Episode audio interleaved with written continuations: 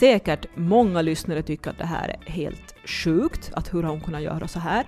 Men så då har jag faktiskt ställt den här äldre flickan då som det här gäller, har jag ställt henne i duschen med kläderna på och vridit på duschen.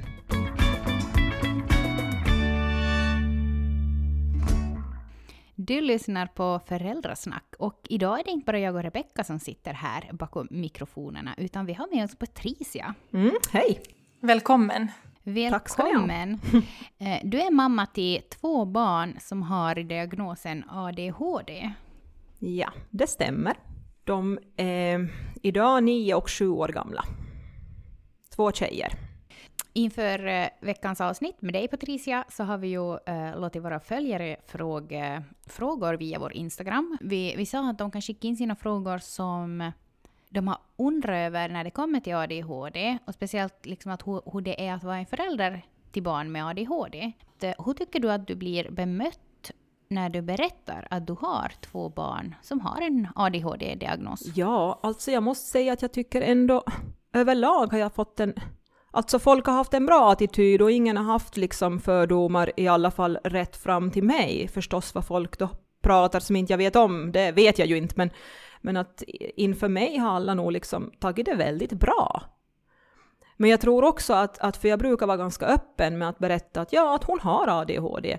För att eh, då tänker jag också att de förstår bättre vissa saker då som barnen kanske gör som de upplever att det är annorlunda att, att då kan de lättare också förstå dem och bemöta dem rätt utan att liksom bara bli irriterade på att de kanske inte kan sitta still eller, eller sådär. För att alltså, om det är någonting som man vet men man inte pratar om så mm. blir det ju som att det känns i rummet men man vågar inte riktigt ta i det och det blir som kanske att man börjar tolka saker tänker jag. Så tänker det att, att vara ärlig ändå som att, att säga så ja. kanske också gör att man blir bemött på ett annat sätt än om man på något sätt försöker gömma det och man på något sätt skäms över det. Så är det nog tror jag. Och just det att, att jag har väl känt så för att just att man vill ju inte behöva skämmas för sitt barn eller någonting sånt. Så det har alltid känts bäst att, att berätta att ja, att, att hon har ADHD, att, att hon har, har problem med det här, att, att sånt ni vet. Um, för då har ingen heller behövt just ha de här tankarna, just att fördomen att mitt barn är ouppfostrat eller någonting sånt. Utan som du säger, lyfta fram allt direkt så att då är det, då är det öppet till diskussion för de som vill prata om det.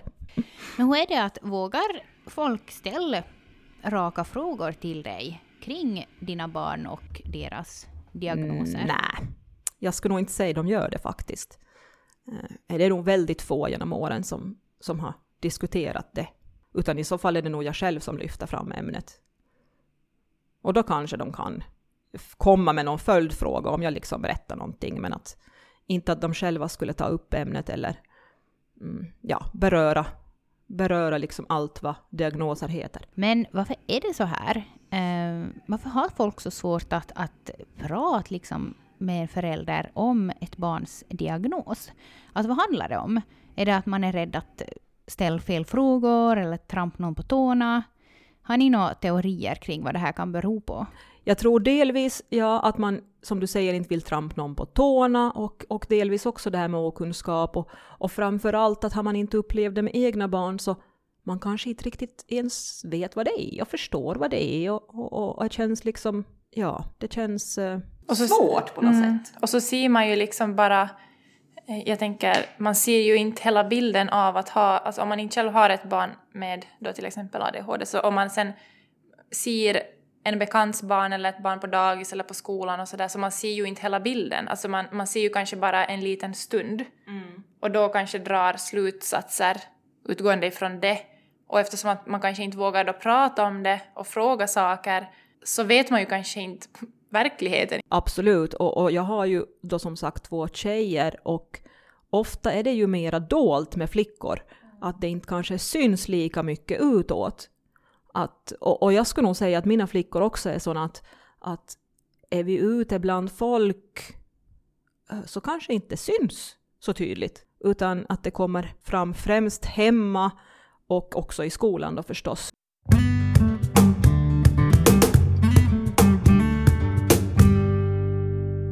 Okej, vi ska ta och eh, beta av de här frågorna som har kommit in. Och eh, den första frågan så kommer från Ida. Och hon säger, var det ni föräldrar som började misstänka att ert barn hade någon diagnos eller var det dagis eller vården som tog upp det? Ja du, alltså mina två flickor är så totalt olika i, i sin diagnostik på det sättet att, att ja, de är ju de är syskon och, och visst syns det, men att just den här problematiken med ADHD är så helt olika på dem båda. Uh, som med första flickan då, som nu är nio, så när hon var bara tre månader så minns jag att jag sa till min mamma att, att den här tjejen har ADHD. Alltså, det fanns ingen tvekan om det. För att redan då så hade hon inte ens en sekund tid att sitta kvar i famnen, utan det skulle måste hända någonting precis hela tiden. Man kunde inte sitta ner med henne överhuvudtaget, för att då, ska, då började hon ropa.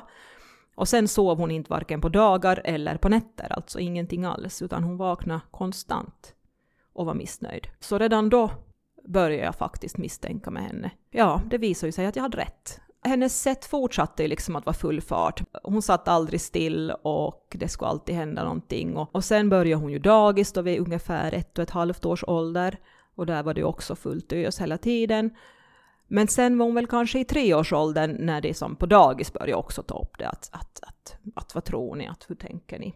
Att har, ni har ni tänkt på det här och, och märkt någonting? Tog de upp det i en sån här arbetsgrupp och, och sen fick hon komma då till en psykolog men då var hon ännu så liten och hon ville inte alls samarbeta med psykologen så att då avbröt vi den, den eh, processen. Och sen vid fyraårsåldern så tog de upp det igen från daghemmet och jag var faktiskt glad att de gjorde det för att jag, jag visste ju redan men att eh, inte tar de bara föräldrar på allvar utan det ska nog gärna komma också från dagvården eller skolan om det är äldre barn. Så att då började hon igen en utredning och och då slapp vi sen till barnneurologen i Vasa när hon var fem år.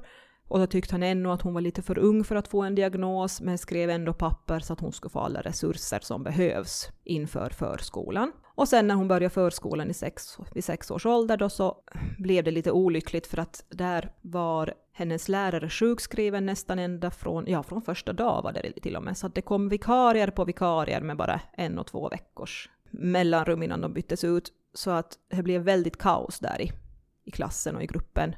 Nytt ställe, bara nya människor hela tiden, ingen som riktigt kunde sätta ner foten och ha regler och sådär, för att det var ju ofta eller det var ju bara unga, unga tjejer som gick på Peffan, att de var inte färdigutbildade. Och, ja, så att eh, då äh, slapp vi och fick diagnosen då vid sex års ålder och då fick hon även medicin. Det känns som att man kan höra från två olika håll, kanske speciellt med eh, från föräldrar eller människor som inte har barn med en diagnos att den ena hållet säger att ja, idag diagnostiserar vi barn så jättemycket, det är bara för att vi ska sätta en diagnos på barnet. Medan andra hållet är att vi borde inte alls diagnostisera barn. Mm. Men, men just det här som du beskriver att, för att i dagens samhälle för att ett barn som behöver stöd så måste det ju finnas. Mm. Alltså du behöver ju ha en diagnos för att kunna få rätt till extra stöd och hjälp. Ja, så precis. det är ju som att hur ska du annars det behövs ju. Ja, alltså för annars får man ju inte den där hjälpen som, som barnet behöver. Och, och, jag tänker okej, okay, det kan vara jättejobbigt att stämpla sitt barn med en diagnos, men samtidigt så man ger ju barnen de bästa förutsättningarna de kan få liksom för att få en så bra skolgång som möjligt.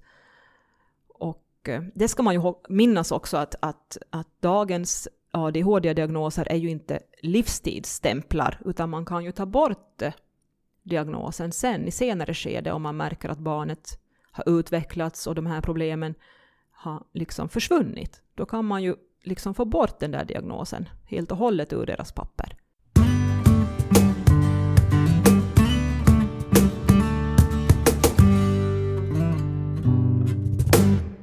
Den här äldre har, har som sagt väldigt tydlig ADHD och just att hon är väldigt har väldiga koncentrationssvårigheter och hon har väldigt svårt med impulskontrollen och, och, och så här. Medan den här yngre, hon var världens lugnaste och snällaste bebis. Inte alls på samma sätt. Um, så jag misstänkte nog ingenting med henne de där, ja, säg tre första åren. Men hon fick då däremot uh, ganska snabbt problem med det här att kontrollera sina känslor och eh, mera sån här OCD-symptom att allt måste vara exakt som hon har tänkt för annars blev det kaos i hennes huvud. Och det kunde handla bara om att jag satt mjölkglaset två centimeter från var hon har tänkt att det ska vara. Då kunde man få ett, en halvtimmas utbrott direkt bara för det. Eh, så det trodde jag väl kanske att det kanske växer bort det. Men jag har nog som inser då att nej, att det gör det nog inte. Men fortfarande idag är jag helt själv osäker på om hon har rätt diagnos eller inte. För att eh, hon är inte en typisk, eh, som jag tycker är en typisk ADHD-person. Men hon har ju fortfarande svårigheter och egentligen skulle jag säga åtminstone hemma vid så är hon mycket svårare att hantera än vad stora syster är. I vilken ålder var då den här yngre när hon fick sin diagnos? Hon var då också sex år när hon fick sin diagnos. Så det är som då är ungefär lite över ett år sedan hon fick diagnosen på papper. Men att det är ju förstås en, en ganska lång väg innan pappren kommer. Alltså man ska genom diverse undersökningar och utredningar. Um, så hon gick nog också ungefär i ett års tid då hos psykolog och, och sen då träffa psykiater för att då få diagnosen. Hur har som dina känslor som mamma eller som förälder varit igenom de här processerna? Ja, det har ju varit en berg och dalbana faktiskt. Uh, när de var små var det ju väldigt intensivt i och med att de också bara har två år emellan och, och, och båda var väldigt intensiva småbarn. Mm, så det var ju det var ju kämpigt, så på det sättet var det en befrielse att, att någon annan än jag såg och, och märkte vad jag såg och kände och upplevde. Men ni var ju som två föräldrar i det här och, och två föräldrar som gick igenom de här utredningarna tillsammans med barnen och hon var liksom stödet av varandra under den här tiden. När ni som mötas i, i det här med att era barn möjligtvis hade diagnoser, eller kände du dig någon gång ensam eller? Idag känner jag mig inte ensam i det. Idag är deras pappa helt införstådd och, och och och är helt med på alla, ja vad ska man säga, på all hjälp de kan tänkas få. Men han tyckte faktiskt inte de första åren att, att, att barnen hade problem, utan han tänkte att de är bara barn. Så där känner jag mig nog ensam i det där, att jag ändå ville så snabbt som möjligt få igenom de här utredningarna och just för att jag tänkte att blir skolstarten då jättesvår för barnen och jag inte har det här genomfört ännu, så då kommer det att hinna bli så jobbiga år för dem i skolan innan man faktiskt får den där hjälpen som de behöver. Mm. Så från början i det första, ja säg nu första fem, sex åren, då känner jag mig nog väldigt ensam i det här med att, att ändå vilja ge dem en diagnos, eller speciellt äldre flickan då. Medan han kanske kämpar mot det här att men de är ju bara barn. Men nu är han ju, han förstår ju idag att, att det var verkligen rätt ändå. Mm.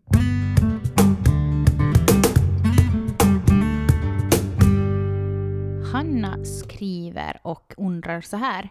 Eh, jag antar att man möts av en hel del fördomar om att barn med ADHD skulle vara ouppfostrade. Får man alltså någon hjälp från vården kring uppfostran och bemötandet av dessa specialbehov hos sina barn? Inte riktigt direkt till mig att någon skulle ha sagt någonting sånt eller eh, på ett sätt visat det åt mig. Men, men absolut, man vet ju och, och har hört genom åren att det här är en fördom. Att sen få hjälp från vårdens håll har väl inte... Nah, du ska nog, man ska nog vara väldigt stark själv och, och, söka den där hjälpen, att den kommer inte automatiskt. Att man ska nog veta vart man kan vända sig och man ska nog ta reda på själv väldigt mycket. Och, och det där är ju nog jätteutmanande för att jag, jag har inte erfarenhet av det här men jag, jag var och föreläste med min mamma om det här med, att, alltså med ätstörningar för anhöriga. Mm. Och så mm. var det en, en ex, eller det var några experter där först som hade föreläsning då före oss och så var de sådär att ja, som förälder när man går igenom någonting svårt så är det viktigt att man ser till att ta hand om sig själv och gör saker för sig själv och söker hjälp.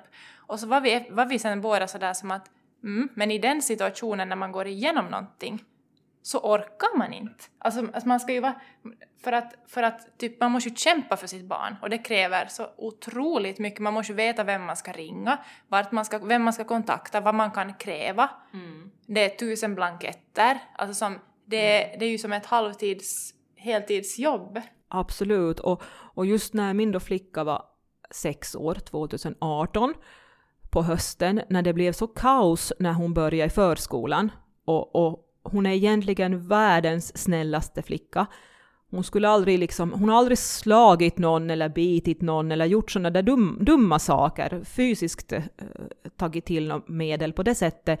Men när hon började förskolan och blev så kaos, hon började rymma från skolan, hon började springa ut efter vägarna då i byn, hon började bita och sparka lärarna, hon började riva saker av väggarna, hon började kasta möbler. Alltså hon blev ju som en helt annan flicka. Och då när man har kämpat då i, i, i ja, åtminstone tre års tid för det här, plus att förstås mycket annat i livet också, så, så då rann faktiskt, då, då rann det över, så då, då blev jag utbränd uh, den hösten.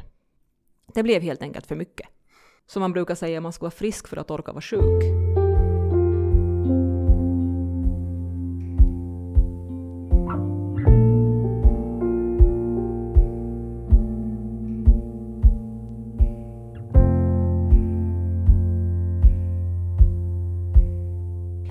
Patricia just att, att du fick en utmattning när det hösten då din äldsta började i förskolan. Eh, vi har fått en fråga här eh, av en annan Patricia faktiskt, och hon undrar att vad gör du när barnen är i sitt värsta okontaktbara tillstånd och du som mamma är helt slut? Ja, hur, hur, hur, hur gjorde du? Hur, hur tacklade du det när du var utmattad? Och... Oj, ja, jag var nog absolut ingen bra mamma just då. Ehm, det är helt klart. Mm. Men om vi backar tillbaka lite hur det var då innan först, så när de var i sitt okontaktbara värsta jag, alltså nu kan säkert många lyssnare tycka att det här är helt sjukt, att hur har hon kunnat göra så här? Men när ett barn då har haft utbrott i närmare två timmar, de själva är helt slut, men de får inte avbrutet, utan bara fortsätter att skrika och ropa och gråta och vara helt i panik. Så då har jag faktiskt ställt den här äldre flickan då som det här gäller, då har jag ställt henne i duschen med kläderna på och vridit på duschen. När ingenting annat har funkat. Eh, så då, då har jag ju eh, satt på, alltså vridit på duschen och, och då på en gång nästan så har det som svängt. För att de har behövt det där att någonting måste hända för att de själva ska klara av att bryta det här mönstret när de har kommit in i den här paniken nästan. Det väcker ju som frågan i mig att får man som förälder idag något stöd och verktyg hur man ska bemöta, alltså hur du ska tackla de här situationerna? Eller är det som att prova sig fram tills man är liksom desperat och har ingen energi? Alltså som att, har du fått verktyg? Nej, det har jag nog inte fått. Eh, och det där att jag måste ha sett mitt barn i duschen med kläderna på är väl kanske inget man tänker är pedagogiskt rätt direkt. Men att det har liksom varit det enda som har funkat just då. Och nej, inte har jag fått någon hjälp, utan egentligen nu först, eh, ja, först nu så har jag faktiskt fått eh, frågan från skolkuratorn på skolan där barnen går nu, om vi skulle vilja träffa en nepsycoach. Alltså, det finns ju hjälp att få på så sätt. Det finns eh, till exempel genom barnavårdsföreningen vet jag, och vilket jag har lärt mig nu nyligen, att därifrån skulle man kunna uh, ha, få komma på några sådana här ja, utbildningsdagar, kurs och träffa andra och, och få vara liksom med på lite föreläsningar och sådär. Men, men det är ju sånt jag har måste forska fram själv.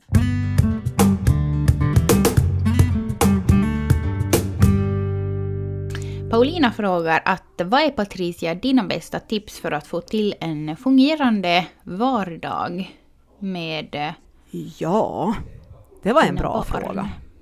Jag har provat så mycket genom åren. Eh, men åtminstone vad som har funkat då med mina barn, alla är som sagt olika, men något som är jätteviktigt för NPF-barn är ju konsekventa regler och konsekventa liksom, eh, eh, tider och eh, dagar och att de vet vad som ska hända.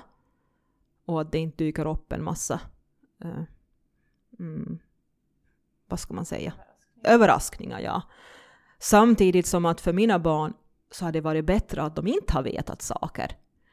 Att ska vi till exempel på en utflykt nästa dag så det är bättre att jag säger det när vi ska far och inte dagen före. För om jag har berättat det dagen före så då sover de inte på hela natten. Eller till exempel när min flicka då fyllde sju år, den här äldre, så hon skulle få ha sitt första barnkalas. Och det visste hon ju om, kanske fyra veckor på förhand. Och, och vi hade bokat ett, ett, ett sånt här leklands och de skulle få vara där och leka och vi skulle ha kalaset där. Och hon var så spänd inför det här så hon hade ju inte sovit på flera nätter. Och sen då natten före kalaset så steg hon då upp klockan halv fyra och klädde på sig i kalaskläder och, och var redo för kalaset. Och eh, sen när kalaset började så fick hon ett migränanfall. Så då spydde hon och fick far hem från sitt kalas. för att då hade hon varit så spänd inför det här att hon skulle få ha ett kalas. Så på det sättet kan det vara bättre att inte berätta. Och kanske det är någonting som är med åldern liksom ändrar? Ja, det gör det ju säkert. Mm. Och just att man måste tänka att varje barn är olika. Men överlag bästa tipset är att ha konsekventa regler. Uh, för det behöver de verkligen. Det här att curla barnen anser jag i alla fall, i mitt fall, inte alls funkar.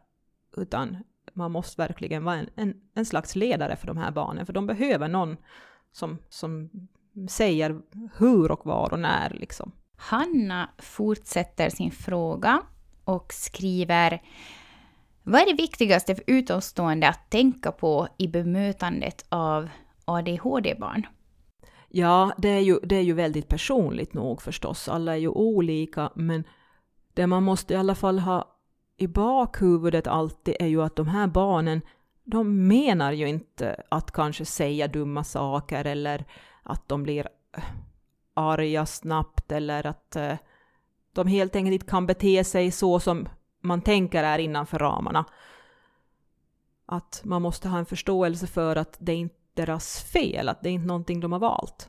Här är det en som har skickat in följande. Patricia, hur känns det för dig som förälder när ADHD har blivit, hoppsan, inom situationstecken trendigt och folk säger att ADHD det är som en superkraft? Ja. ja. Hur, vad väcker det för känslor inom dig? och just det här att folk tänker att det skulle vara en trend, eller att man får liksom en superkraft när man har ADHD, eller att man skulle kunna bli framgångsrik liksom på grund av det. Absolut har man väl så pass rätt att visst kan man få det svängt i någonting så att man får, blir framgångsrik inom någonting.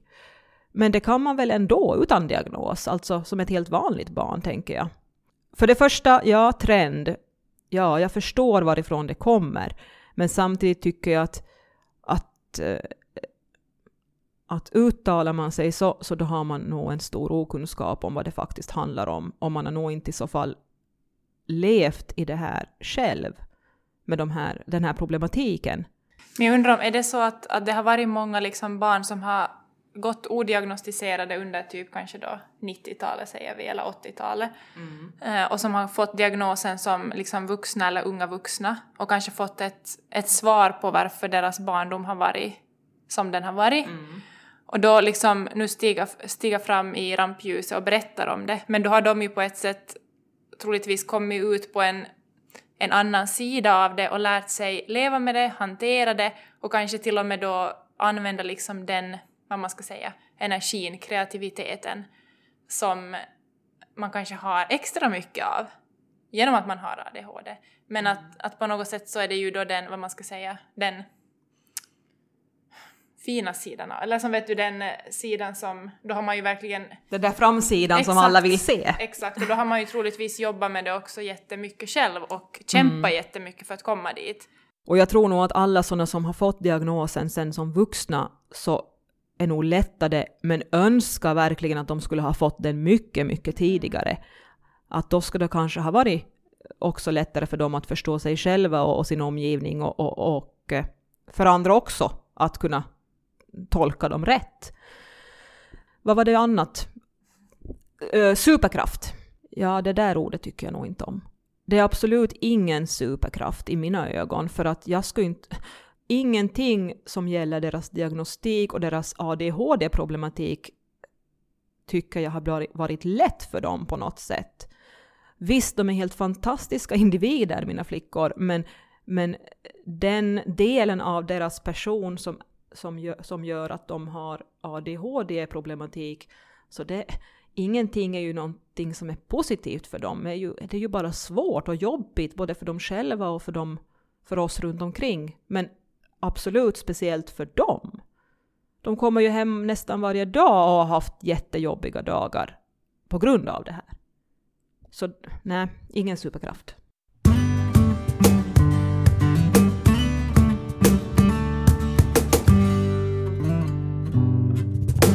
En sak som jag har funderat på är ju att, att, eh, att, att som jag också hör på dig, att, att det finns en hel del eh, rädslor förstås och utmaningar att vara en förälder till ett barn med ADHD eller vilken annan diagnos som helst. Mm.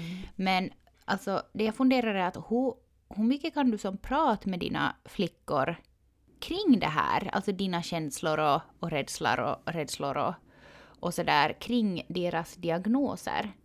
Hurdan kommunikation har ni? Nog pratar vi väl öppet skulle jag säga, speciellt då äldre flickan och jag. Den här yngre så hon är inte riktigt, hon förstår nog inte riktigt det här ännu. Mm. Men med den här äldre så är det ju mera diskussioner och hon har mera funderingar och, och nog pratar vi öppet om det men nog är det svårt när ens barn säger jag hatar mitt liv, jag vill inte leva något mera och är nio ja. år. Aj, ja, hon Hur säger sånt. man det? Mm, vissa dagar är det ju så jobbigt eh, inombords för henne. Ja. Och att redan då som nioåring prata sånt. Mm. Men alltså, oj. Eh, jag vet inte vad jag ska säga. Alltså, var, var finner du orken? Och vad, vad, vad, vad, vad kan man säga som mamma i en sån situation? Ja, det, det, det, vet jag inte. Man får ju bara ta det.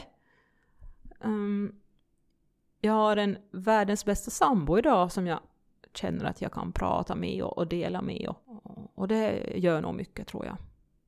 Mm.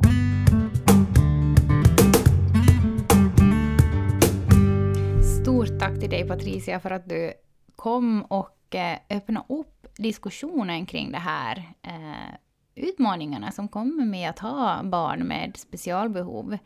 Och du kommer öppna upp den diskussionen med oss. Mm, tack. Jag hoppas att någon får någonting ut av det. Det är ju både för andra föräldrar i samma situation, men det är också för lärarstuderande, det är för pers dagispersonal, det är för föräldrar som inte alls är i kontakt med ett barn. Mm. Speciellt, jag tänker som att vi alla behöver ju få höra. Ja, och desto bättre, desto bättre om alla har kunskap, ja. Mm.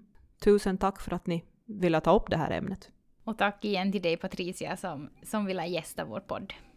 Det kommer upp en artikel eh, på Svenska Yle, så gå in där och, eh, och läs eh, artikeln med eh, Patricia.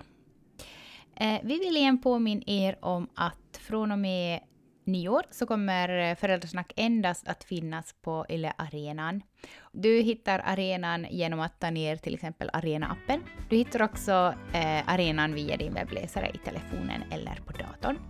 Och eh, vår podd är öppen för hela världen, så var du än befinner dig då du lyssnar så kan du fortsätta att sitta precis där du är.